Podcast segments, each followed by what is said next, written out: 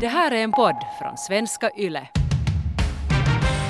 Så det är den diskussionen jag tänker att de borde ha, att man borde fråga sig att vad är det man vill ha ut av det här.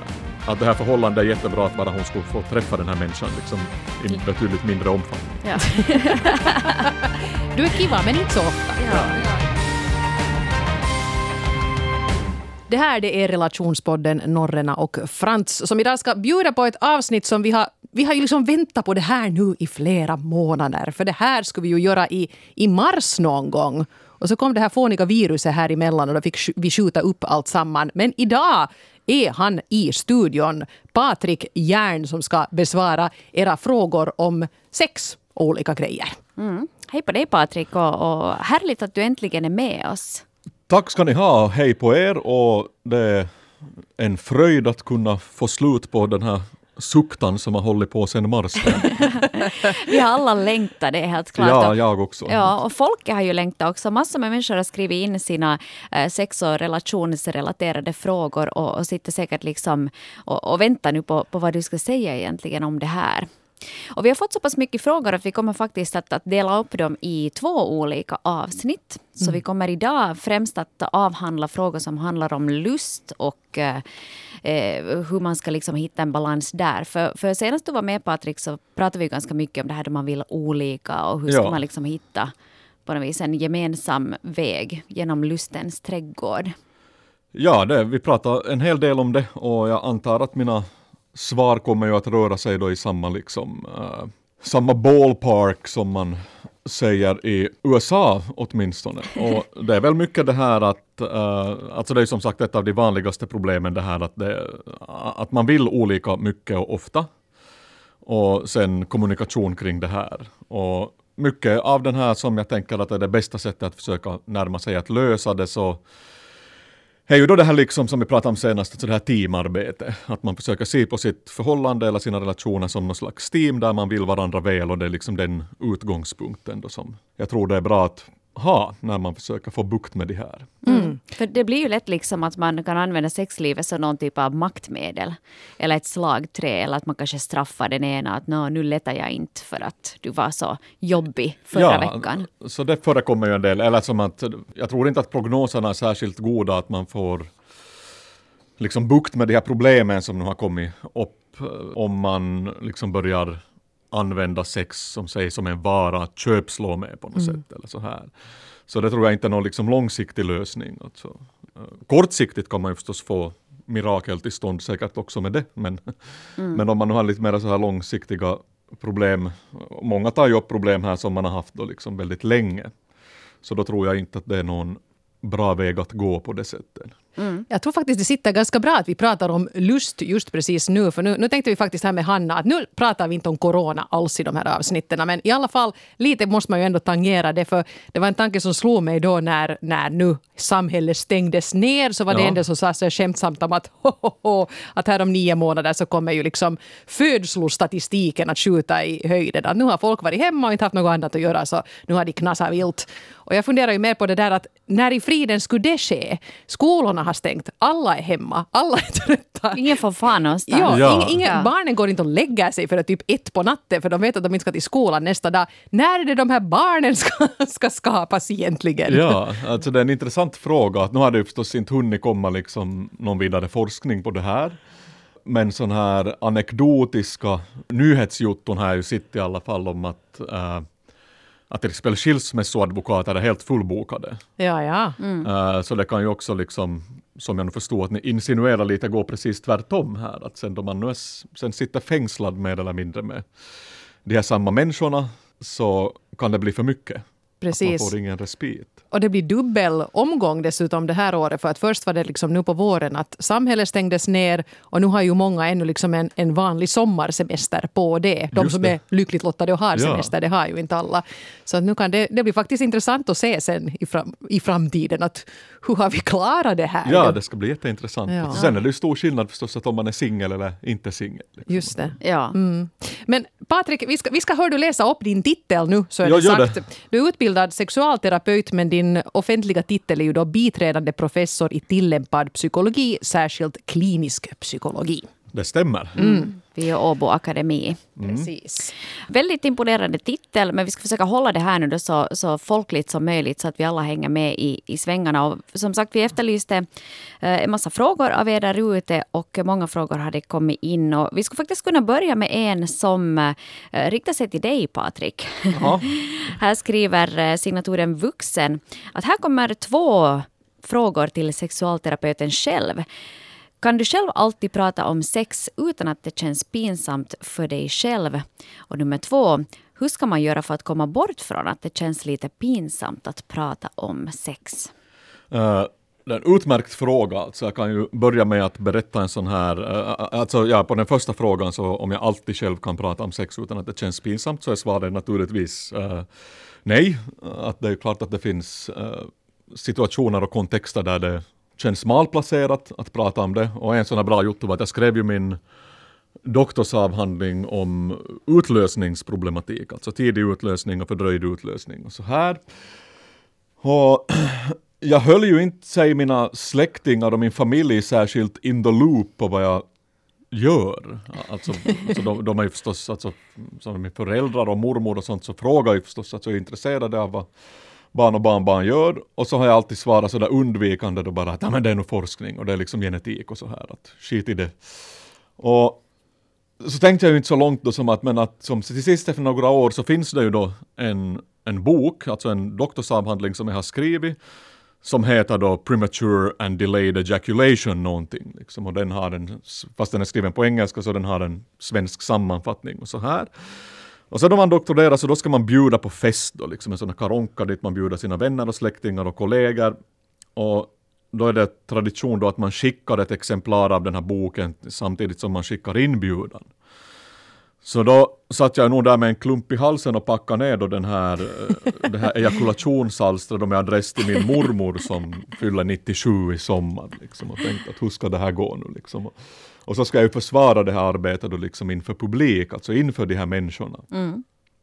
Och jag var nästan liksom mera nervös för det. Uh, ska jag klara av att försvara det här inför mina äldre släktingar snarare liksom än uh, att kunna försvara liksom det vetenskapliga i det.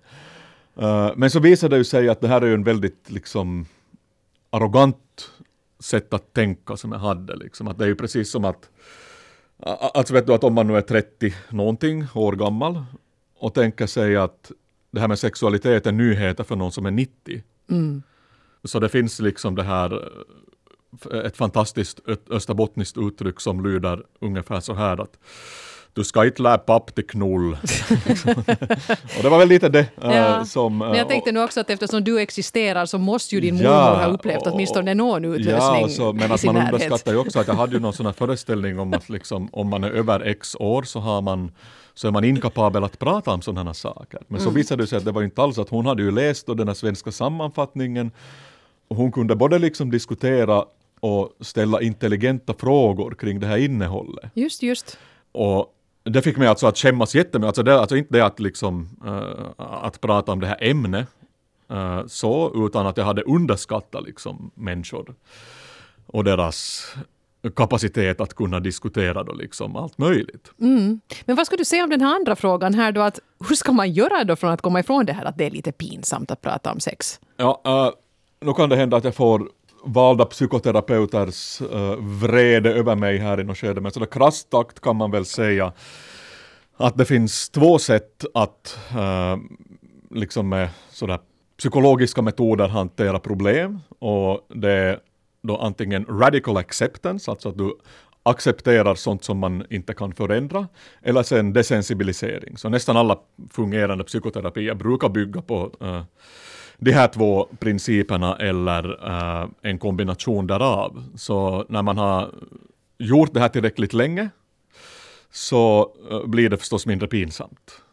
Att eh, om man nu aldrig har pratat om sex och i synnerhet liksom offentligt så det är klart att det är liksom nervöst och jobbigt. Men uh, desensibilisering hjälper, så mitt råd till den här människan vuxen är att prova på att bli helt gränslös och säg precis vad som faller dig in och så ser du att hjälpte det eller inte. Liksom. Just det, att anfall är, är bästa taktiken Anfall är bästa där. försvar. Nej men Ja. alltså det är bara liksom, det är ju en, eh, som ni vet, alltså man, man funderar ju mycket på liksom då man tänker på vissa liksom yrkesroller. Att hur orkar säg lågstadielärare, högstadielärare, sexualrådgivare och vad som helst. Liksom. Hur klarar man av det här? Eller som bara ni. Alltså jag tänker att många som, jättemånga tycker att det är ångestfyllt att tala offentligt. Så hur pallar man med att prata Mm. i radio hela tiden? Ja, man gör det bara. Ja, man gör det bara och Mm. sen var det förstås mera nervöst när man gjorde det första gången Ja. än så här. Så Ja. det är Okej. liksom, man blir desensitiviserad. ja, så man ska bara våga börja prata om det helt enkelt. Ja, Mm. det tycker jag. Men nu, lite lustfrågor här Mhm. tycker jag. Vi skulle kanske kunna ta och börja här med eh, Siri47 som har skrivit så här. Eh, Jag har haft en relation med samma man i snart tio år och det stör mig att han är mindre företagsam generellt och det är jag som också måste ta initiativet om det ska bli något sex. Det känns jobbigt att vara en allt-i-allo i familjen med ansvar för allt från eh, mjölken i kylskåpet till barnens kläder och sen också sex. Om jag inte tar initiativ, då blir det inte av. Jag har försökt att vänta ut honom. Det här får mig att känna mig frustrerad och oattraktiv. Vi har båda varit i relationer där glöden falnat och sexet tagit slut, så det här stressar mig lite. Vi är dessutom urtrötta ofta, med mycket jobb och småbarn, varav ett är ett krävande barn, så utgångspunkten är inte den bästa, men hoppas du har råd i alla fall, skriver Siri, 47. Precis, eh, det här är ju ett, eh, ett tämligen liksom vanligt problem, att man har eh, ganska olika syn på liksom hur arbete hemma fördelas och ansvar för olika uppgifter och så här.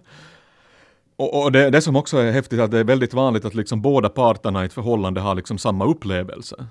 Att det är liksom jag som gör det mesta. Och det är ju förstås liksom en statistisk omöjlighet. Att det är ju liksom någon deras som då förmodligen har, säg sådär mera rätt eller så här, eller sen är det liksom att, det, att man helt enkelt har det på något vis uppdelat så det är en och samma person som har ett visst ansvarsområde och sen blir man lite blind för att det här också liksom händer. Så, där. så det här är ju nog någonting man måste liksom ta upp och det har ju säkert också hänt att de har nu varit ihop i, vad står det, snart tio år och det här är den längsta relationen, så jag antar att det, det här måste ha kommit upp liksom i någon diskussion under de här tio åren. Mm. Och det är förstås svårt att säga nu liksom när man bara läser en, en, en väldigt kort snutt här i text som hon beskriver då den här situationen. Men det första man skulle göra i det här skedet är väl nog ändå att liksom ta upp det till en riktigt seriös diskussion. För här är ju annat också, att här är inte bara liksom det här initiativtagandet till sex, utan uh, Siri efterlyser ju liksom ett generellt initiativtagande. Alltså det handlar också här om hushållssysslor. Och så här. Alltså gör en Excel-tabell om inte annat. Ja, det där var ju någon som till och med skrev en bok om det där, att när de faktiskt sen ungefär med tidtagaruret började kolla att okej, Ja. när du förde bilen till besiktning, men jag köpte liksom födelsedagspresent till barnens kompisar och liksom, när man satt med allt sånt smått också så, så gav det en helt annan bild av, av balansen i det där. Så, så det är dels det liksom att liksom kunna få en bättre översikt av den här balansen. Uh, men det kan också vara en sån här, alltså, om, om det är svårt att kommunicera om sådana saker, att ofta blir ju sådana diskussioner på en ganska abstrakt nivå. Så att, eh, det skulle nog vara bra om du skulle kunna hjälpa till lite med allt möjligt så här. Och så svarar man liksom ja naturligtvis och så händer sen ändå ingenting. Så mera då att man försöker göra en sån här ganska ingenjörsmässig uppdelning, att nu skulle jag önska att du liksom hur man nu gör då liksom, att jämna veckor så gör du det här och jag det här och så byter vi då udda veckor. Eller sen hur man nu väljer att liksom, liksom strukturera upp det. Att jämna veckor har du initiativ. exempel Är att det, man- det är på dig att ta initiativ till sex. En Excel-tabell för sex också. Ja, no, no, nej, jag tänkte nu kanske främst på hushållssysslan, men Okej, också okej. det. Att varför, Ja. Alltså inte det liksom något, eh, det här pratade vi om senast också, att om det är så att, alltså man ska ju inte göra någonting mot sin vilja, och det vill jag vara väldigt liksom tydlig med framförallt i, i nationell radio, men eh, många har ju den här situationen att de skulle vilja, vilja ha lust, Mm, men den liksom kommer inte. Och på något vis, det är många som har en föreställning om att den här lusten ska liksom uppstå spontant och då kan man agera på den. Men många gånger så kan den här lusten behöva lite liksom hjälp på traven, alltså att man liksom börjar ägna sig åt sexuell aktivitet och så liksom väcker det lusten så att den här det här orsaksverkanssambandet är inte så tydligt att det skulle vara så att lust föregår handling. Just det. Mm. Det jag lite undrar här, för jag menar jag, jag, jag känner ju för dem här för att Ja. det, det är jobbigt med en sån här stressig småbarnsvardag. Att, att skulle inte månne en bra grej för dem här att vara att också i sin Excel-tabell pricka in lite mer tumistid. Det behöver ju inte liksom vara sex men kanske liksom just sån här, fast gå ut en promenad och hinna diskutera de här grejerna. För jag tycker det är ofta det som kan bli det där att det blir bara, den här diskussionen uppstår först då när någon där är irriterad på den andra. Att nu har Ja. du igen inte diskmaskinen. Och nu tog jag här lite initiativ och du var ointresserad. Nu Ja. känner jag mig oattraktiv. Att kanske mer ha sådana neutrala stunder när de hinner vara på tu man hand. Ja, neutrala och sen också att, vet du, att man kan också sätta in att vet du, man gör något kul Ja. tillsammans. Att nu är det Date lite night. begränsat med ja. Den här farsoten som plågar oss men att någonting finns det säkert som man kan göra då i alla fall. Men också liksom att bara sätta in i kalendern att på nästa veckas onsdag klockan X så pippar vi. ja. Det, är- det är ju inte som En så... calendar invite. Ja, ja, just det. För att inte det liksom så, det är ju inte liksom rocket science och det är ju inte som så komplicerat. Att det är mera det här liksom att alltså varför skulle man inte kunna Excel-organisera det som allt annat? Alltså jag menar som hjälpmedel för att komma igång. Så det kan fungera riktigt bra. ja. No, men vi får önska Siri Ja, lycka till med det här. Eh, Diskutera saken och, och kanske faktiskt just Ja, försöka alltså- få bukt med den här upplevelsen av att det är så orättvist Ja. fördelat, allt det som och, händer i hemmet. och, och sen förstås att om inget annat hjälper så det, det är ju också bra att, liksom, att man söker hjälp.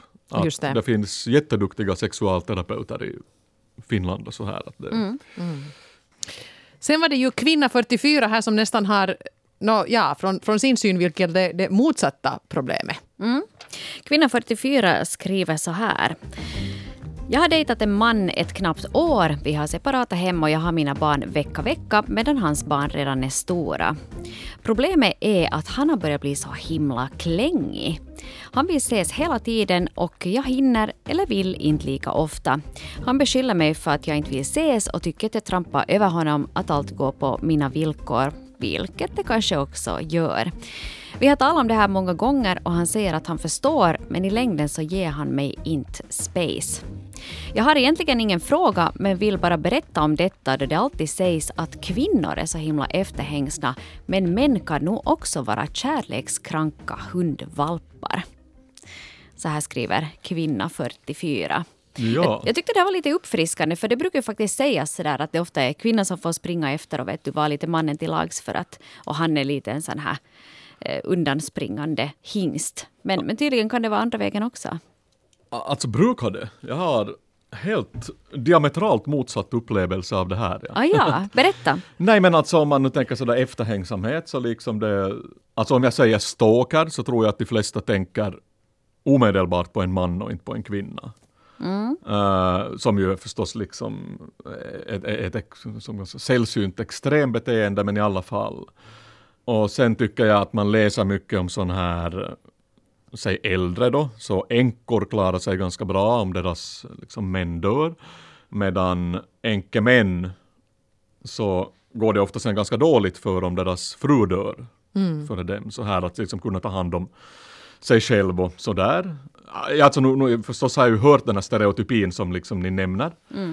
Men ä, att det på något vis skulle vara liksom nyheter och aldrig liksom förekommer i det offentliga samtalet att män kan vara ex efterhängsta, så det känner jag nu överhuvudtaget inte igen. Alltså.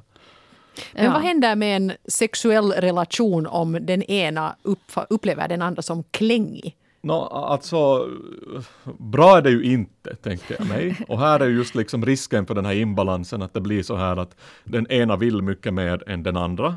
Eh, Den här kvinna 44 säger ju också här att beskylla mig för att jag inte vill se så tycker jag trampar över honom att allt går på mina villkor, vilket det kanske gör. Så att liksom hon, hon verkar ju se att det finns en sån här uh, en sån här maktimbalans som hon liksom erkänner här på ett sätt. Och då är det ju liksom klart att liksom att här går det kanske att eh, liksom förstås sympatisera med det här som den här kvinnan säger att det, det är liksom jobbigt om om någon vill mycket mer än vad man själv vill. Alltså allt från sex då till att ses oftare och, och vad man ska göra när man ses och så här. Det är ju inte kanske en, liksom en liksom det mest attraktiva utgångsläget. Nu har vi ju ingen aning om vad det här liksom beteende bottnar i, att den här liksom efterhängsen, efterhängsenheten hos den här partnern. Men det kan ju vara någonting i stil med att liksom den här partnern har liksom haft en väldigt uppslitande separation och har helt enkelt någon sån slags, alltså jätterädd för att förlora också liksom nästa. Mm, exakt, ja. Uh, och så leder det sen till ett be beteende som då paradoxalt liksom kväver också den här nya liksom, relationen. Det är som de skulle vilja lite olika saker. För hon verkar mm. liksom, jag får intrycket av att hon är ganska nöjd med den här tillvaron. Att hon har sitt hem och hon har sina system. Och, och så har hon också den här trevliga mannen som mm. nu dyker upp alltid nu som då. Medan han då kanske, kanske han skulle vilja flytta ihop eller på något sätt liksom ta det till en annan nivå än vad hon vill. Ja, ja. det är lite svårt då, då man inte... Jag tycker det här med att, att längta efter någon, så det är ju också ganska uh, lustskapande. Ja. Som de säger, vet du, att absence makes the heart grow fonder. Det är det Dr. Phil nu igen? Nej, det, det, tror jag faktiskt inte. Inte den här gången, men ofta brukar jag dra till med mina Dr. Ja, ja, Phil-citat. Nej, men vet du, just det här med att man, eh, att man, eh, då man är ifrån varandra så blir man också äh, lite mer kär och då man får lite mer längtan. Jag tycker här att det finns inte riktigt någon plats för att, att sakna den andra. Och då kanske man känner som att det nästan blir ett måste. Mm. Att genast vet jag har en stund över så borde jag nu då, vet du vad, med dig och man kanske bara vill vara själv själv och se på Dr. Phil eller någonting ja. annat. Men jag tänker liksom att de har ändå dejtat ett knappt år, så det är ett ganska nytt förhållande. Men att som ett sådant omedelbart intryck här är ju att jag tycker att det verkar ganska uppenbart att den här partnern är betydligt mer seriös med det här förhållandet än kvinna 44 är. Mm. Som att hon har ingen fråga, utan hon ville nu liksom uh, ventilera den här synpunkten. Och hon i princip kallar ju den här partnern för liksom en kärlekskrank hundvalp. No. Som ju liksom kan vara sympatiskt men också kanske känns lite sådär Mm. Jag ska nu inte säga nedsättande, men ändå sådär liksom att det, det är lite sådär voj-voj. Men är inte uh, kanske lite sådär vet du också i förhållanden att, att uh, i ett förhållande mm. så är det alltid någon endera som är mera investerad i relationen. Att det är alltid en som vill lite mera och en som älskar lite mera och den som också på det sättet bestämmer. Mm, ja, alltså nu, nu, ska jag inte säga liksom, är det så, är, är liksom så i alla förhållanden? Ja eller nej, Patrik. Vi vill... ja, förlåt, vi är, det, det var 2020 nu. Så så. Men det är säkert liksom mycket vanligt ju, att det finns liksom en, en sån dynamik. Och sen kan den förstås liksom förändras också. Eller mm. hur? Säg att om de här uh, skulle nu vara tillsammans i några år till. Och så mitt i allt slutar den här kärlekskranka hundvalpen liksom bry sig. Att han hör inte av sig och tar inte liksom initiativ till någonting med. Alltså liksom den här förändringen skulle kunna leda till en sån där att hej, varför blev det så här nu? Mm, liksom. ja. Så mitt i vi, vi vaknar alla till när va? Ja. Vart for han? Ja, och sen när vi, man har kunnat ta liksom den här, det här trånande liksom för givet. Alltså hon skriver att det är liksom, han är så himla klängig så det tyder ju på att han är, att det är ganska liksom konstant mm. närvarande problem det här. Ja. Men så om det skulle sluta då som Sådär, eller, för att det, det, det, kommer ju att hända förstås, att blir man avvisad tillräckligt länge så slocknar ju den här. Jo, en tidsspann liksom. det är ju förnedrande alltså. Ja. Mm. ja. Uff. Och, och, och, så här, och vad händer då? Mm. Så kvinna 44 var nu lite snäll med den där hundvalpen. Ja, och, och kanske ni måste ta en, en, jag menar, men, ja. jag, menar liksom, jag menar inte att du ska ställa upp och se honom hela tiden, men, men kanske ni borde ta ett snack. Är det liksom så ja, att ni... Alltså, att ta ni... ett snack. Och, och, man kan ju bra säga att nu har vi nu ännu separata liv och separata hem och jag är kanske inte liksom färdig att gå i någon sån här liksom Usain Bolt-fart in i ett förhållande där man vet du leker hem och så här och investerar i gemensam egendom. Så det är ju liksom, det kan man uh, vara jättetydlig med och det är inget liksom problem med det. Att det skulle nog vara bra att vi skulle få någon sån slags liksom mera jämlikhet i den här relationen där vet du, det inte behöver vara sån här desperat trånande men också att man liksom är lyhörd för den andra. Så att det här teamtänker igen, att alltså man ska utgå från att man vill den andra väl. Precis. Ja. Det är nästan lite samma som med här, den här förra frågan, att de här bor ju inte ihop, så det är ju liksom inte en Excel-tabell med hushållsarbete, men kanske någon sorts liksom överenskommelse ja. om att hur umgås vi och vad gör vi? Antagligen det är ju hennes barnfria veckor ja. säkert som styr det här. men att, att, ja, precis. Ska du liksom genast på torsdag när barnen ja. har stå där med en blombukett vid dörren, eller, ja. eller ska jag ha liksom, var, var har jag mina lediga kvällar, när går jag ut med mina kompisar och sånt här, och, och när umgås vi? Ja, men det är nog som, alltså, jag tänker nog alltså säga att i de flesta datingannonser så skriver ju folk ut liksom vad de vill ha. Alltså så här att inga one night stands tack att jag är ute efter något seriöst och inga players och sånt här är ju ganska, eller sen att man då liksom söker explicit bara liksom tillfälliga förbindelser. Och det gör ju folk för att det är liksom hederligt och hyggligt mot de här prospektiva datingobjekten då. Att man inte sen behöver liksom få en sån här situation till stånd då, liksom, där det blir liksom, en massa besvikelse. Så det är den diskussionen jag tänker att eh, de borde ha och att man borde fråga sig att vad är det nu man vill ha ut av det här. Att det här förhållandet är jättebra förutom att eh, bara hon skulle få träffa den här människan liksom, i betydligt mindre omfattning. Ja, Du är kiva, men inte så ofta. ja, ja, inte, inte Och det är ju också fine. Ja, alltså, då förstår man det att om man har kommit ur någon sån här intensiv och uppslitande relation Ja. så att man vill nog liksom, liksom var lite träffa folk casual. sådär, Ja. sådär och, och ta det lugnt, eller sådär i, som låter det växa fram. Ja, Men då måste man liksom säga det. Och sen måste också då den här partnern kunna liksom, eller de måste hitta tillsammans ett sådant modus operandi som de båda kan leva med. Exakt. Hör du, en fråga skulle jag ännu vilja hinna med, för det här Ja. är också en lite, lite det är en lite kvistig situation. Det Mm. är signaturen Ung och desperat, 26 år, som har skrivit så här. Mitt problem är att mitt och min mans sexliv knappt existerar. Vi har varit tillsammans i flera år och vi älskar varandra så det är inte det som är problemet. Men när det kommer till sex så är det jag som har störst sexlust medan min man har absolut noll. Och vi har provat allt från att prata, gå i terapi, att jag inte gnäller att vi ska ha sex från att han ska ta eget initiativ men då händer ingenting. Jag har köpt sex, leksaker med mera. Men nej, han tycker att det är sexigt och sådär men, men så händer det ingenting. Dessutom vill vi ha barn. Han är 100% med på det här men det verkar som att han inte orkar inse att man ju måste ha sex för att få barn. Hjälp mig. Då man frågar och även då terapeuten frågar vad som kan tänkas vara problemet så kommer svaret jag vet inte. Hur man än vrider och vänder på det, det kommer inget svar. Och jag har också sagt att händer inget inom en snar framtid så måste vi ju göra slut. Men då vi älskar varandra så mycket så känns det ju omöjligt att lämna varandra. Usch, jobbigt tycker ja, jag. för eh, de här människorna har ju då faktiskt provat nästan alla knep i boken här nu redan. Alltså, det, alltså de har pratat mycket, de har gått i terapi och försökt liksom ha någon sån här uppdelning att, alltså det här verkar ju finnas en överenskommelse om att nu ska han ta initiativet och så här.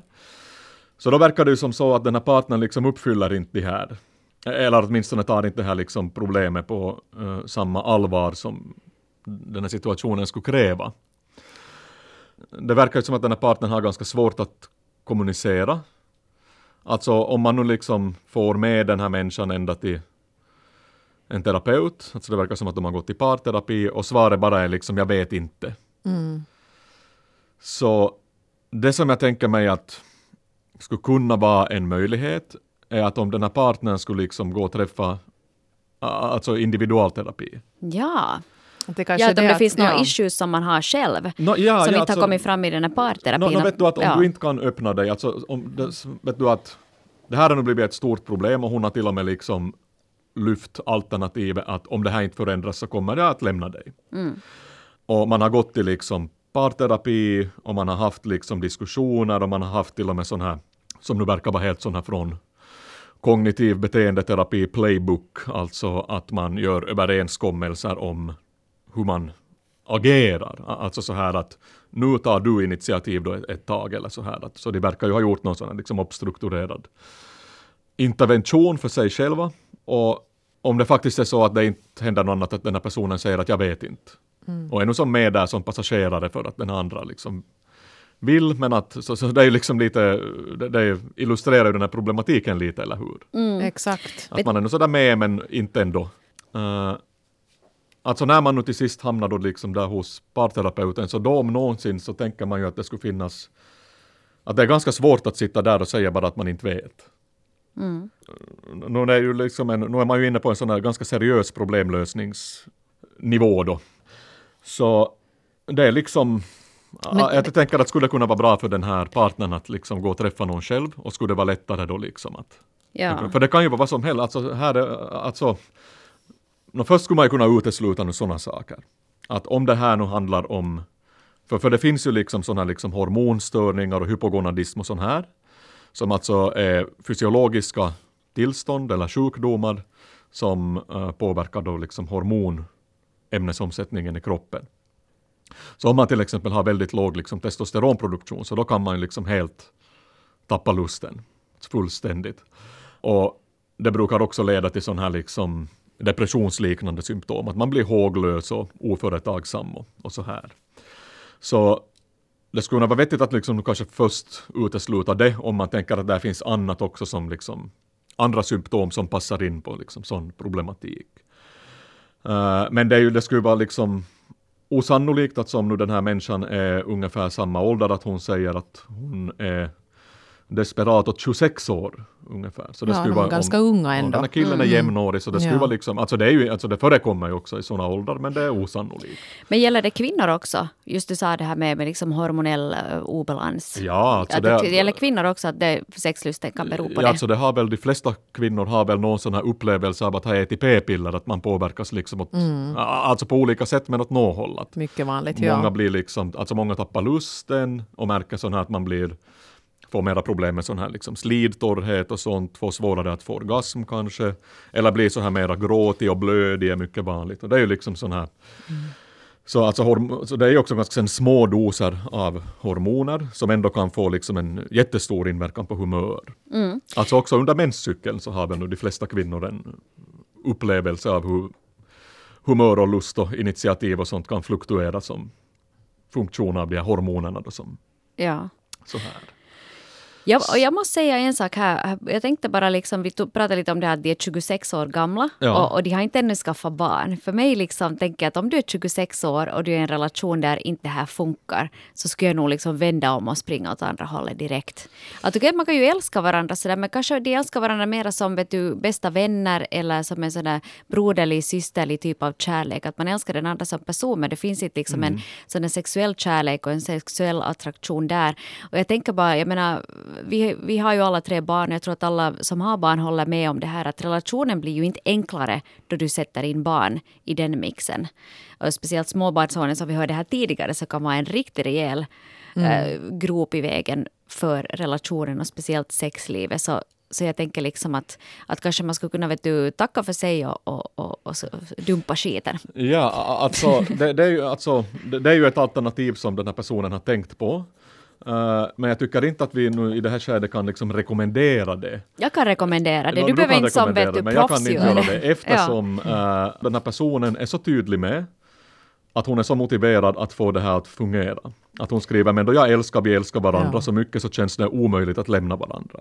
Jag tycker också, jag, jag liksom måste ju säga det att, att jag, jag håller delvis med Hanna här att mm. i det oändliga kan hon ju inte heller liksom utsätta sig för det här. För nu har de gjort så Nej, mycket. Men jag tycker det var en bra idé det här med att om, om hon nu skulle säga, till exempel föreslå att tänk om du skulle själv nu gå i terapi så att du inte behöver ta, ta de här grejerna med mig men att du skulle gå och prata med någon och kanske kolla upp det här med hormonerna och det här. Ja. Och om han går med på att göra allt det då är det ju liksom ett bevis att han nu också liksom är investerad i det här. Ja, och då, då, är det liksom kanske mer en, en sån morot att men ja. då fortsätter vi. Men om han vägrar göra det och liksom fortsätter bara säga att inte vet jag och, och liksom tycka att, att den här tillvaron nu ska mm. funka så här, då kan hon ju liksom inte kräva av sig själv att sitta där och, och älska och hoppas hur länge Nej. som helst. Mm. Alltså det är det du vet så lite om det här liksom casen på det sättet. Men säg att det här skulle vara ett fall av liksom att alltså här finns någon sån här liksom hormonell störning som förklarar då alla de här.